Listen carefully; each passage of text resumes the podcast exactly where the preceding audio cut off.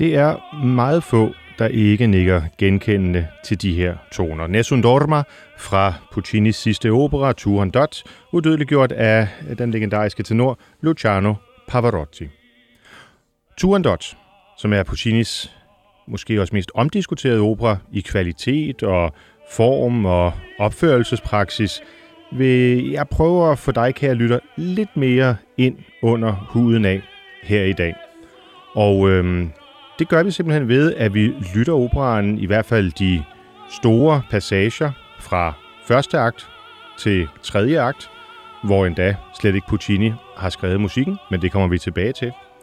Og øh, prøver at fortælle lidt om, hvad det egentlig er, der sker i den her opera. Hvad er det egentlig, tenoren synger om her i Nessun Dorma, og alle de andre arier, som af forskellige årsager er kommet til at stå i et lidt mere ondseligt lys på grund af det verdenshit, som netop Nessun Dorma det er blevet til. Så vi afbryder lige Pavarotti her, og så tager vi tingene fra begyndelsen. Og til det brug, der har jeg simpelthen fået et klaver i studiet. For i dag, der kommer vi til at nørde lidt mere nede i partituret, end vi plejer at gøre. Turandot er skrevet i 1924, eller det vil sige, det er der, hvor Giacomo Puccini han dør og må opgive at skrive og lade sine noter og tanker gå videre til andre komponister, som så færdiggør værket. Men på mange måder adskiller også musikken allerede fra den første tone sig fra de andre sådan meget volumøse og klangfulde operer, som vi kender fra Puccini. Allerede indledningen sætter et dramatisk, nærmest dissonerende tema an. Det lyder sådan her.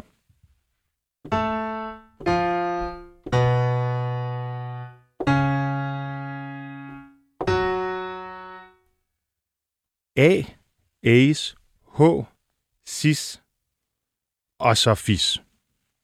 Et tema, der i sammenligning nærmest kun kan øh, bringe billeder fra øh, Richard Strauss' øh, øh, Elektra øh, på banen. Og netop et tema, som igennem hele operaen medvirker til at beskrive karakterer og beskrive, ja, handlingen. For Puccini bruger ikke bare musikken som et smukt baggrundstæppe. Den måde, tingene er orkestreret på, den måde, melodierne er udformet på, er i vidt omfang noget, som i sig selv har en mening. Øh, en ting er øh, det meget øh, bombastiske, sådan voldsomme åbningstema her, som altså man vil kunne genkende igennem hele operaen. Men en anden ting er, at for Puccini var det vigtigt at kunne sætte et tonetæppe, som øh, også var autentisk. Turandot foregår jo i, i fjerne tider i Kina, Øhm, og jeg kommer lidt tilbage til, øh, til handlingen øh, senere. Men netop derfor var det vigtigt for Puccini at have nogle melodier, som også havde en øh, kinesisk øh, konnotation eller resonans. Og historien er, at øh, en baron ved navn Eduardo Fassini Comossi, som var italiensk diplomat til Kina, en dag besøgte øh, Puccini og gav ham sådan en lille musikboks, hvor der var 10 forskellige kinesiske folkesange i. En af dem, den lyder sådan her.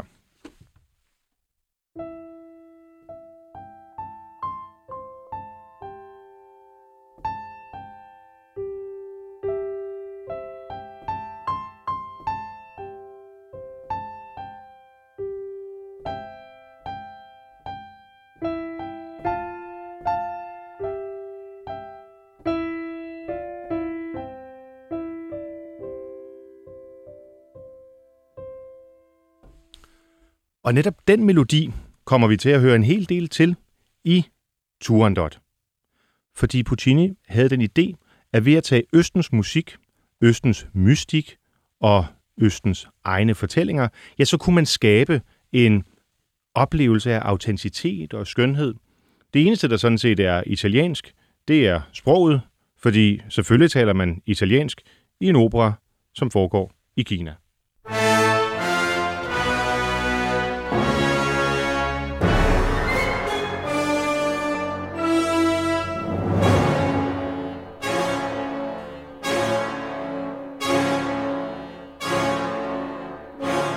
Læg mærke til de dissonerende, rå, metalblæsere her, der sætter en stemning af øh, nervøsitet, intensitet, forventning.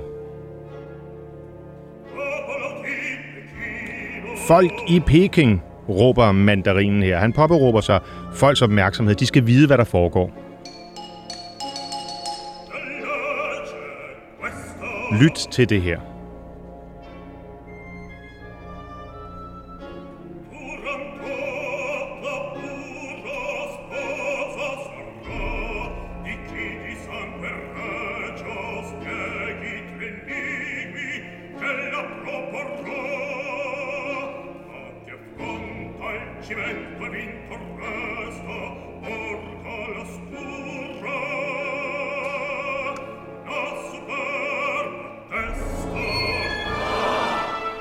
Her er befolkningen, eller folkemængden, der er samlet på torvet, hvor mandarinen altså fortæller, nok mest til os i publikum, hvad det egentlig er, rammen er. Rammen er, at den smukke, smukke, smukke kinesiske prinsesse Turandot, hun har besluttet sig for, at hun vil giftes med den bejler, som kan besvare hendes tre hemmelige gåder.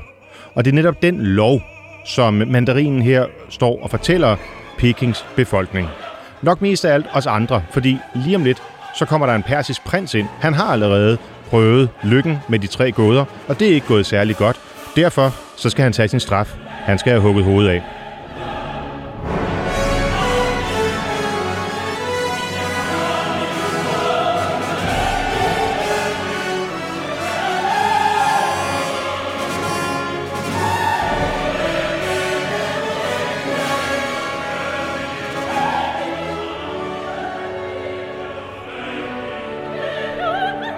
Og midt i virvaret, der hører vi en fortvivlet sopranstemme.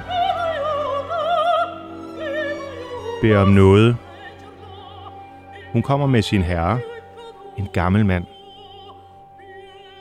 Pieta, Pieta, vær nådig.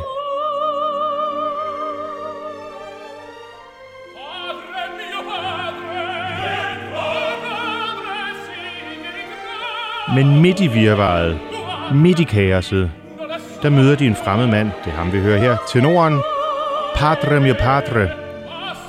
Kvinden, som er tjener til en ældre herre, er faren til Kalaf, og de mødtes her i dette kaos foran Pekings porte.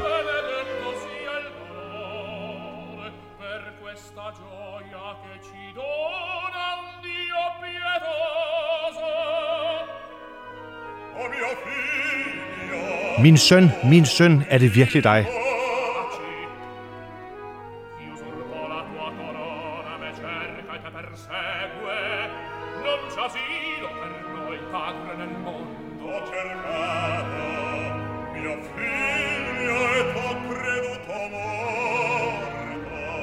Jeg troede, du var død, min dreng.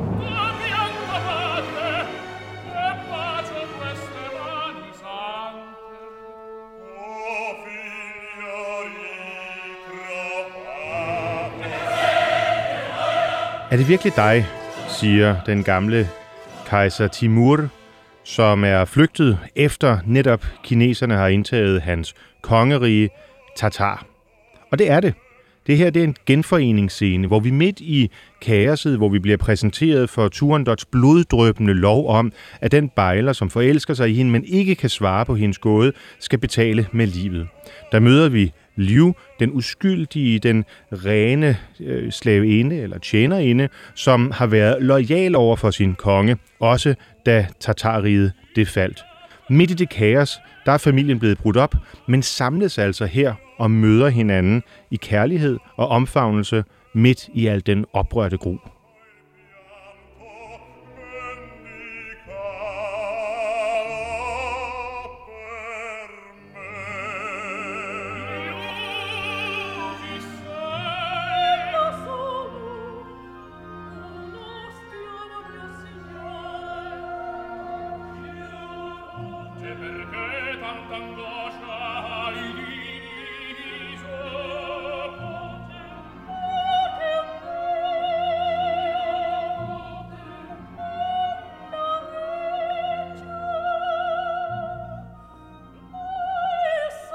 Hvorfor har du været min far?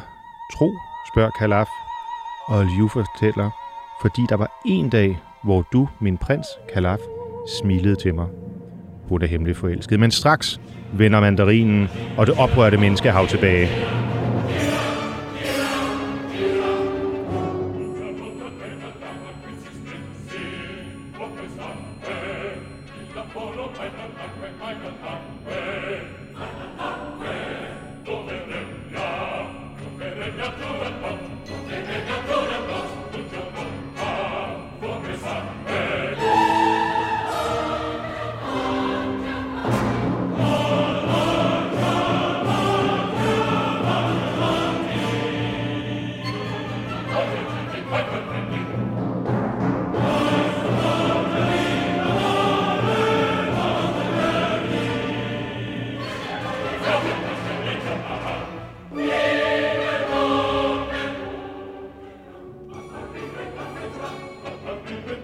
Optændt af blodtørst, synger befolkningen her, gira la corte.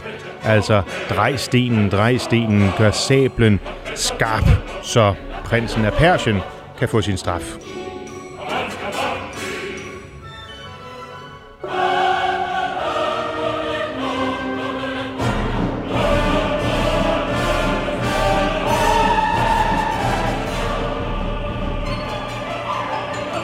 Bemærk rytmeskiftene her mellem det dramatiske paukeslag. 1, 2, 1, 2, 1, 2. Skiftende tritrioler. Bap, bap, bap, bap, bap, bap.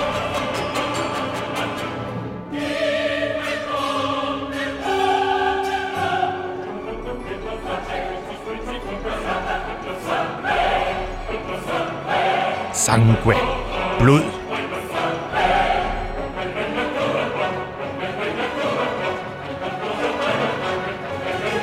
Og så bemærk temaet fra begyndelsen.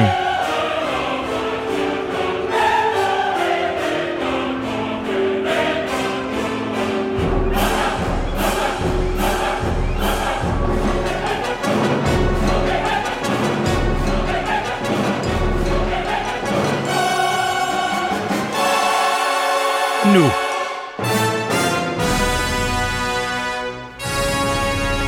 Og totalskift pludselig så kommer månen frem. Hele stemningen, musikken, tonaliteten, tonakken, alting skifter.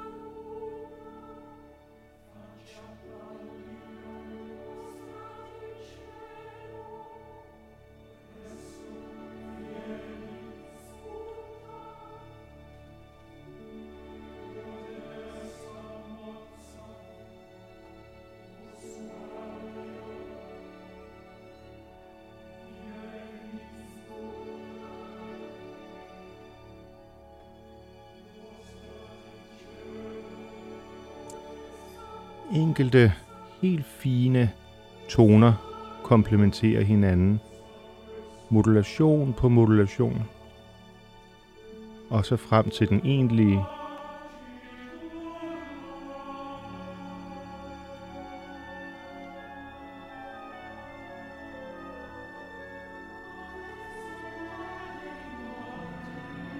blodtørsten og vreden er væk, erstattet af en pludselige betagelse, kærligheden,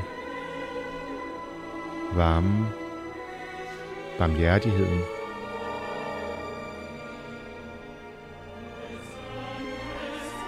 Den persiske prins føres frem, og befolkningen, der lige før var optændt af hævn og blodtørst, gribes nu af følelsen af barmhjertighed.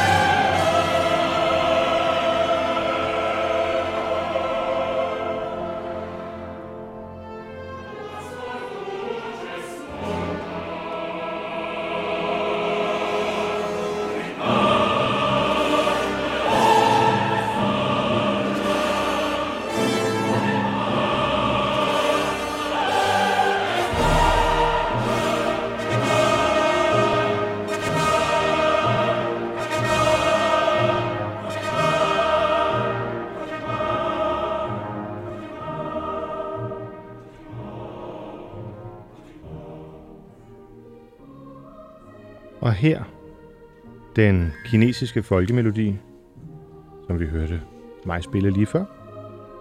Moli Huao.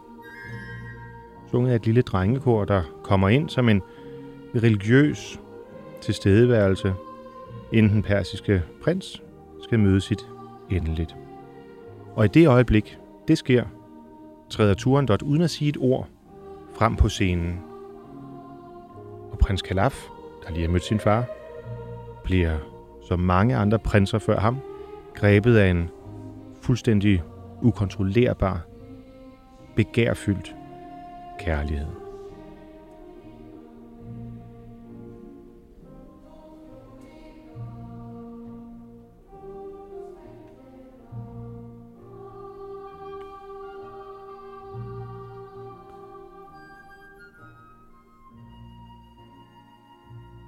Og til sin redsel ser Liu, hvordan Kalaf nu er forelsket i Turandot, og prøver at tale ham fra det. Signor Ascolta, lyt til mig.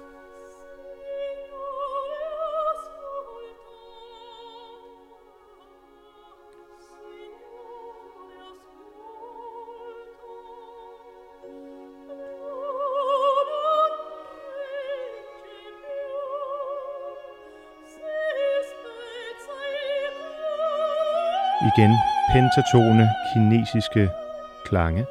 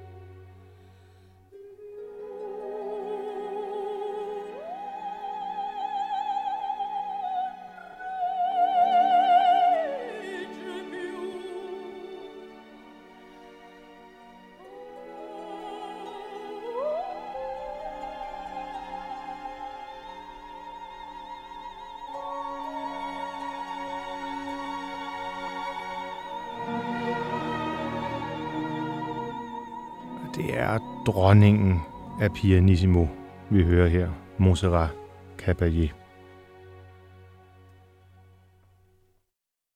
Pentaton. Jeg stopper lige musikken et øjeblik. Hvad betyder det? Jo, penta, det kender vi jo godt fra det græske øh, ordforråd. Det betyder fem, altså lidt ligesom pentagon. I vores øh, musik, der har vi otte toner. Det er en almindelig oktav. Det lyder sådan her.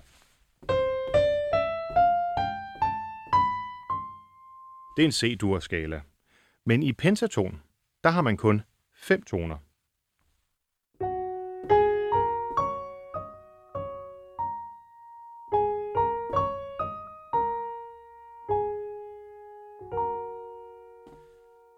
Den nemme version, det er bare at spille på de sorte tangenter på dit klaver. Det var det, jeg gjorde her. Og netop Non Pingere Liu, som, øh, nej, undskyld, netop Signora Scolta, som øh, Liu synger til Calaf her, er skrevet i pentaton for at skabe den her kinesiske, asiatiske klang, som Puccini han gerne vil have på en eller anden måde skabt ind eller skrevet ind, vævet ind i sin italienske komposition. Der er ikke nogen tvivl om, at det her det er øh, Puccini i den forstand, at de fede, øh, klangfulde øh, følelsesmættede akkorder, øh, violinerne, ja, hele strygeensemblet osv., minder jo selvfølgelig om det, vi har hørt på i både Bohème, Tosca, Butterfly og så videre. Men det her anstrøg af de kinesiske toner, den måde, man laver musik på i Østen, det er helt bevidst et forsøg fra Puccinis side til at sige, nu sidder I her i min verden, og nu flytter jeg til Østen. Og derfor så svarer Calaf naturligvis også i den arie, der kommer umiddelbart efter, Non piangere liu, netop i en pentaton-skala. Og det er tankevækkende, eller i hvert fald minder lidt om, hvis I husker tilbage på La Bohème, hvor vi også havde første akt med Kajoli Damanina tenoren, der hilser på Mimi. Mimi, hun svarer i Simikiamo Mimi, hvorefter de to arier og de temaer, der er brugt i de arier, danner en duet, som så afslutter første akt. Det er det samme Puccini, det samme trick, kan man sige, Puccini han bruger her i Turandot. Så lad os høre nu Calafs svar til, øh, til øh, Liu, og det er altså Luciano Pavarotti, der synger her, og som sagt Montserrat Caballé, der sang Liu lige før.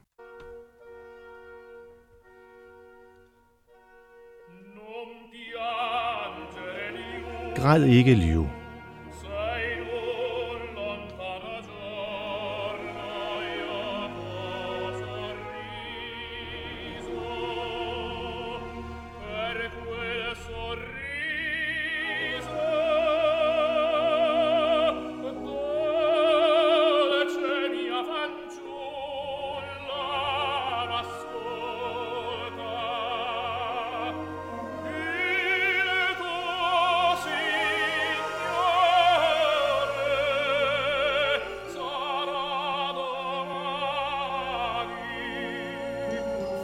se suo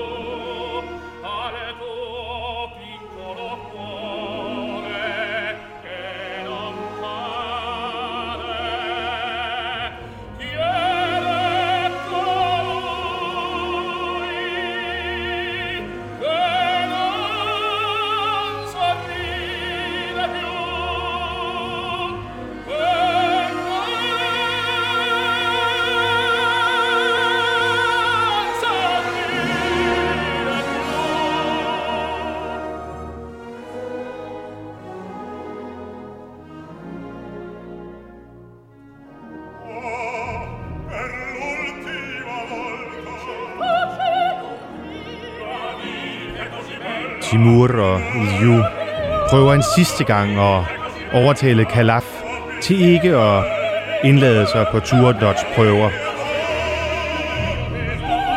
De er rejseslagende over netop at have genfundet deres søn og elskede, og nu sætter han sit liv på spil.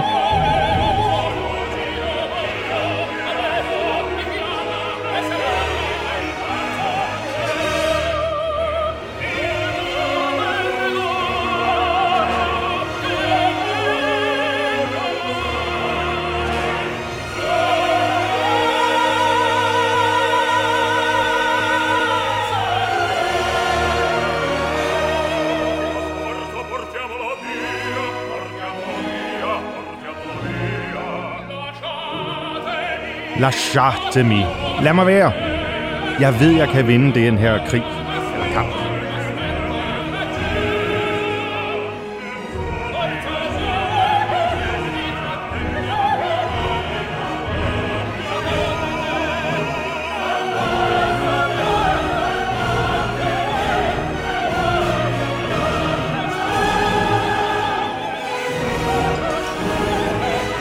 optændt af kærlighed og vrede over det, han har set overgå den persiske prins, slår Kalaf på gongen og påkalder sig Turandot. Han vil udfordre hendes prøver.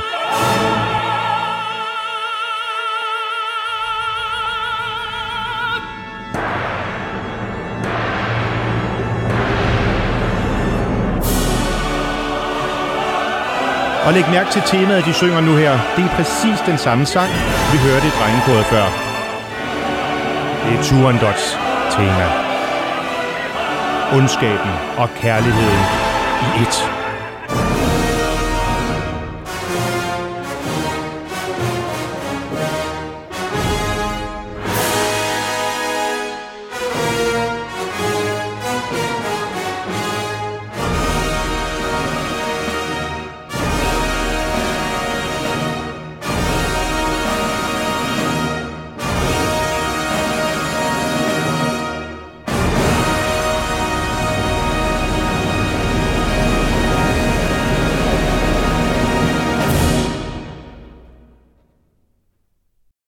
Første akt er bragt til ende. Hvis ikke man bare synes, det her er en lille smule fedt, så er der ingen grund til at høre mere. Så er der simpelthen ikke mere håb. Så er der ikke mere. Operaen kan give dig derude. Til gengæld tror jeg, at man skal lede meget længe, før der ikke er nogen, der synes, det her det er bare en lille smule betagende. Om det er de smukke, romantiske Puccini-klange, som vi kender det, og som man bare kan svælge hen i, i arier som øh, Visidarte og, ja, som vi hørte det her, Signora Ascolta, eller om det er det store, brede, voluminøse orkester, der bare brager igennem og på den måde understreger netop den spænding, som jo er i fortællingen. Uanset hvad, så har Turandot det hele. Og derfor hører jeg heller ikke til dem, der mener, at Turandot er et ufuldstændigt eller ikke særligt vel gennemarbejdet værk. Det kan godt være, at det ikke er den transformation fra den klassiske, veristiske Puccini og i retning af den modernisme, der er rundt omkring i Europa på det her tidspunkt i øh, 1920'erne gryede. Men det gør ikke så meget, fordi det er en rejse i Puccinis komposition selv. Altså det, at han drager øh, de her Øh, pentatone elementer end det, han indarbejder og bruger direkte de melodier, som man kendte fra Østen på det her tidspunkt. Det er alligevel et billede på, hvor måske ikke Europas musik var på vej hen i 1920'erne, men dog et billede på den rejse, som Puccini fra sine tidlige operer, Manon Lescaut, Edgar osv. har været på, og den rejse, han dermed har givet ikke bare den italienske opera, men hele den europæiske opera. Turandot, det er nok den opera, jeg har hørt på CD flest gange. Jeg tror nærmest, man kunne tale om et afhængighedsforhold, da jeg var i teenageårene, og det er netop den indspilning, som vi hører her med Zubin Meta i orkestergraven, og øhm, de sanger, jeg har nævnt tidligere, som, øh, som jeg benytter mig af. Det er en Decca-indspilning, men er du mere til Jussi Bjørling, eller øh, Domingo, eller ja, nogle af de øh, mere moderne Jonas Kaufmann, så er der masser af ting at vælge imellem derude på Spotify. Operan var lidt længere end øh, de 54 minutter og 45 sekunder, som jeg har fået stillet til rådighed her i kammertonen, og derfor er vi nødt til at springe lidt i tingene. Vi springer til midten af anden akt, hvor netop Turandot for alvor viser sig. Og det gør hun i arien En Questa Regia, hvor hun fortæller historien, der ligger til grund for, at øh, hun har indledt det her rejsesregime. Det har nemlig sin egen kyniske, morderiske, men dog alligevel rationel forklaring med en fjern forfædre ved navn Liu Ling, som blev mishandlet af sin mand. Og nu er det altså payback time, mener Turandot, og det er det, der for hende retfærdiggør, at hvis man ikke kan svare på de tre prøver, ja, så venter døden. Lad os høre her en Questa Regia med Joan Sutherland.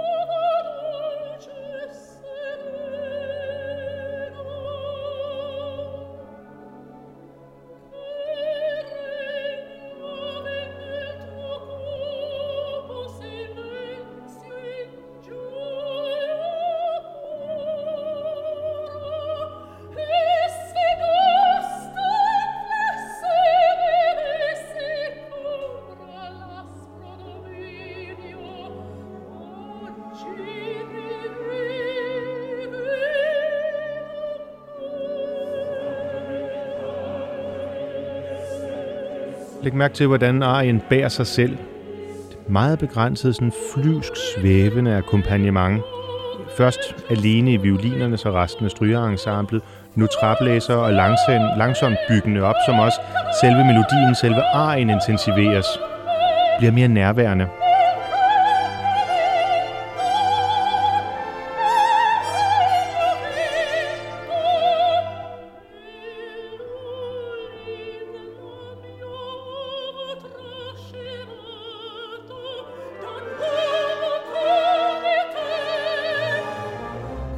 Ba, ba, ba. Det indledende tema igen, hele tiden repeterende, som minder os om, hvor vi er i operaen.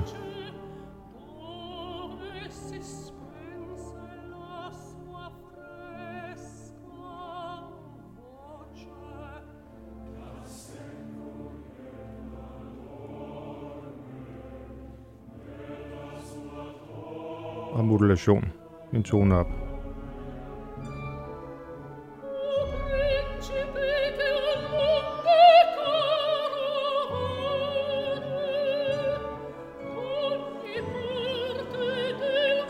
taler hun direkte til Kalaf. Ved du, hvad du går ind til? Hvorfor sætte dit liv på spil for det her?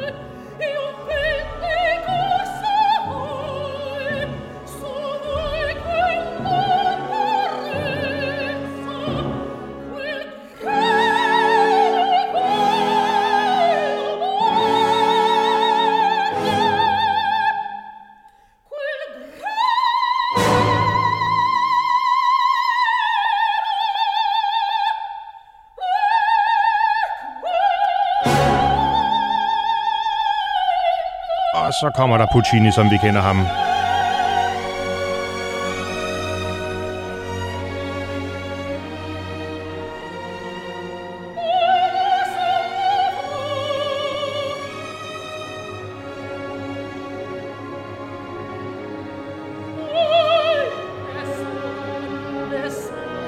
Ingen har svaret på mine prøver. Hvorfor vil du?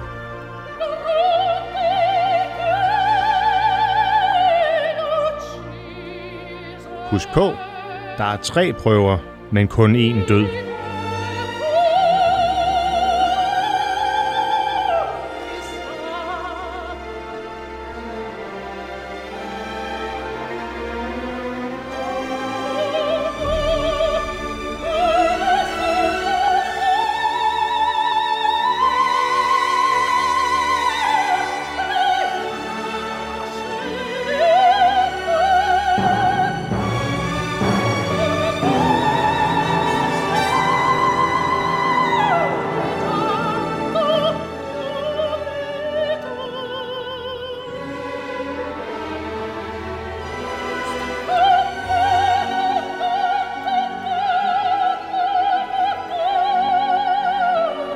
Nej, svarer Kalaf.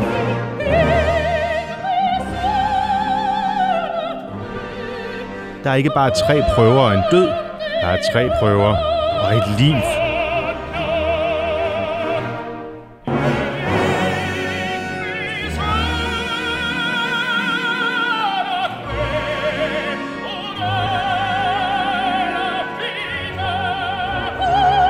Og de råber i munden på hinanden.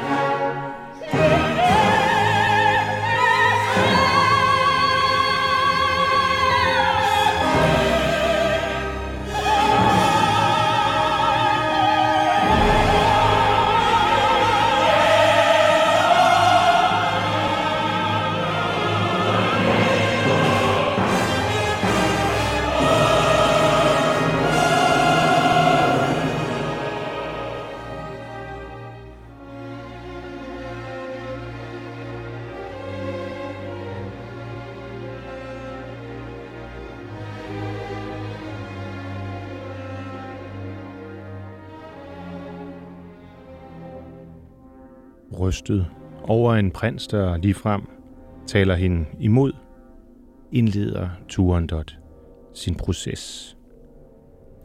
Den første gåde. Hvad fødes hver nat og dør hver daggry? Prinsen svarer rigtigt. Den anden gåde. hvad flimmer rødt og varm som en flamme, men er ikke en ild. Også her svarer prinsen rigtigt. Det er blodet. Rystet indleder Turandot sin tredje prøve. Og det er den, vi hører her. Hvad er is, der giver dig ild, og som din ild fryser endnu mere?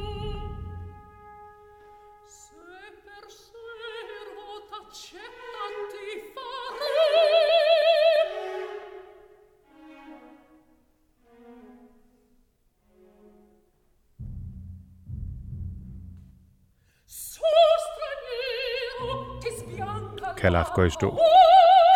Tænker, bliver grebet af angst. Hør violinerne.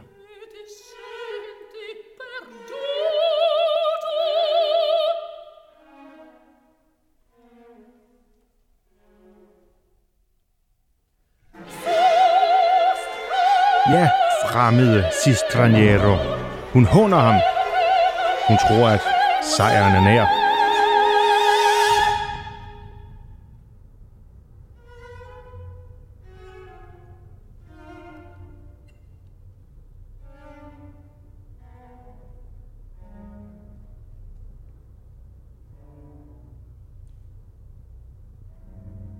Men af asken opstår fuld fønix.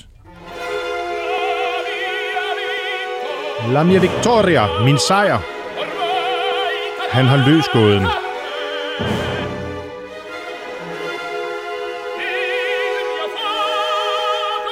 Min ild, det er dig. Turandot.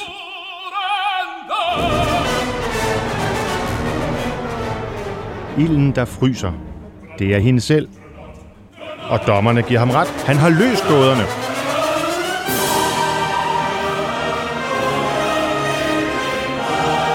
Og igen hører vi melodien Molihua fra den lille spilleboks.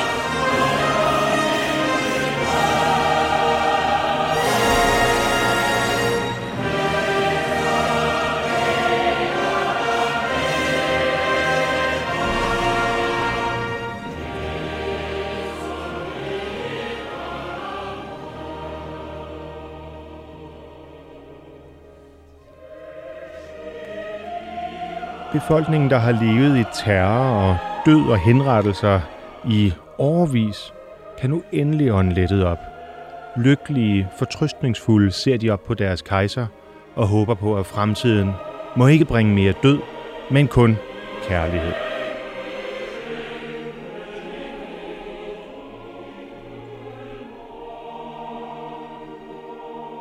Men Turandot er ikke bare hævntørstig på sin forfædres vegne. Hun er også en kryster. Og beder nu sin far, kejseren af Kina, om ikke at tvinge hende til at gifte sig med bejleren.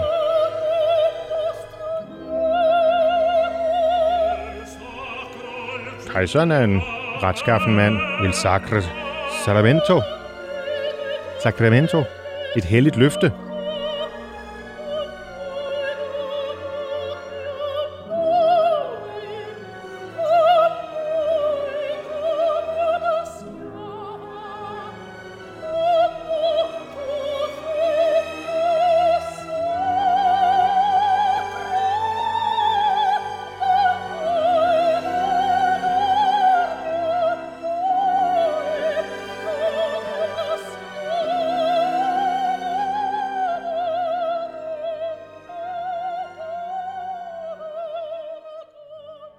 du inden solen gryer, kan fortælle mig mit navn, så accepterer jeg, at også jeg må gå i døden som de tidligere bejlere.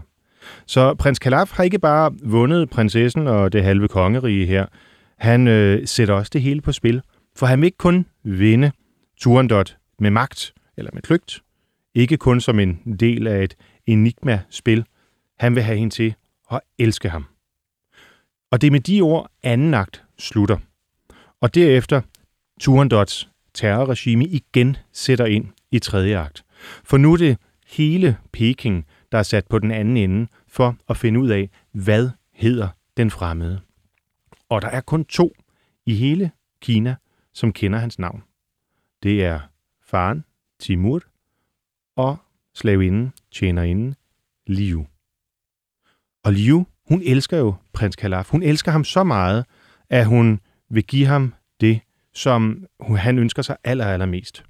Og derfor, som torturen og terroren i løbet af natten her, den tager til, da det bliver aller værst, jamen der bøjer hun sig. Og så siger hun, at hun vil fortælle til Turandot, hvad den fremmede prins hedder. Og det er mens dette terrorregime kører, at øh, Kalaf går rundt ude foran Pekings mur og synger den arie, vi indledte med, Nessun dorma. For det betyder, ingen må sove. Ingen må sove i nat, hvor Turandot, hun tvinger Pekings indbyggere til at finde den fremmedes navn. Vi kan ikke nå at høre det hele, og jeg føler mig overbevist om, at du allerede har hørt Nessun Dorma med Luciano Pavarotti.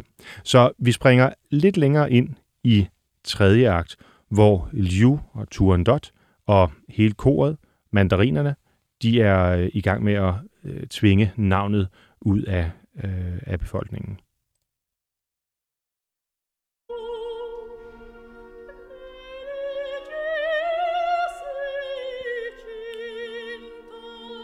Liv her bekender over for Turandot, at hun kan navnet på den fremmede. Igen Montserrat Caballé. Læg mærke til de her ekstremt fine mm, intoneringer på selv høje toner, som bliver sådan helt pianissimo.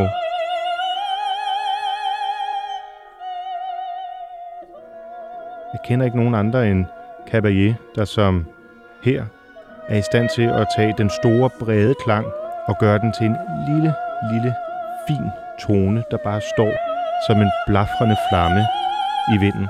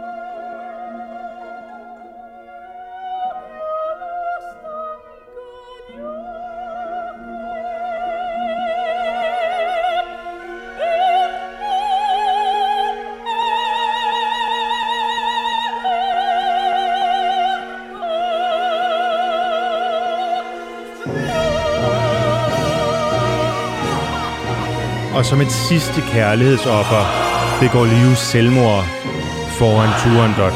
Parla, parla, siger befolkningen. Tal, tal. Il nome. Hvad er navnet?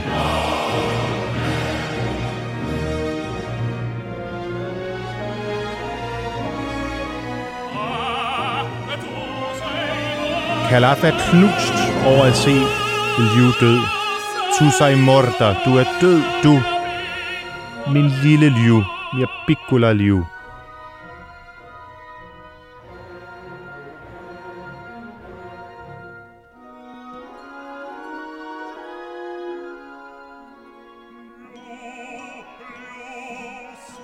Timur kalder på sin tjenerinde.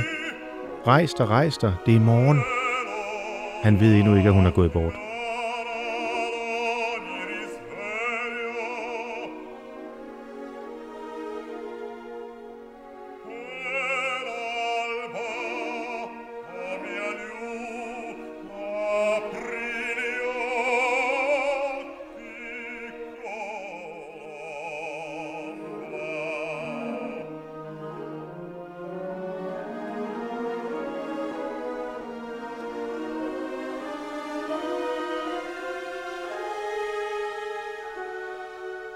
Hmm. soldat fortæller ham, hvad der er sket.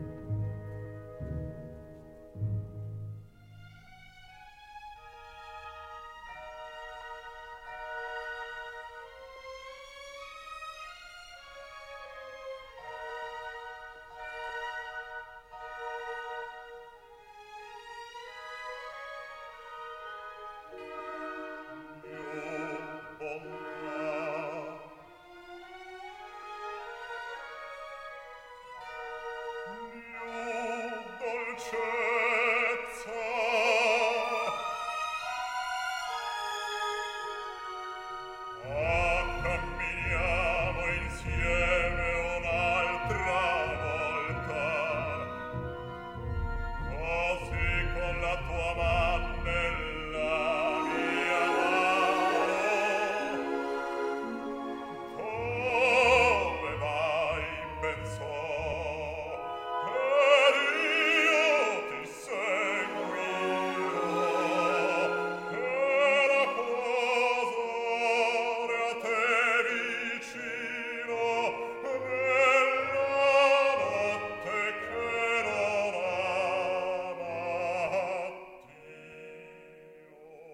Men det er ikke kun Liu, der dør på det her tidspunkt i operaen.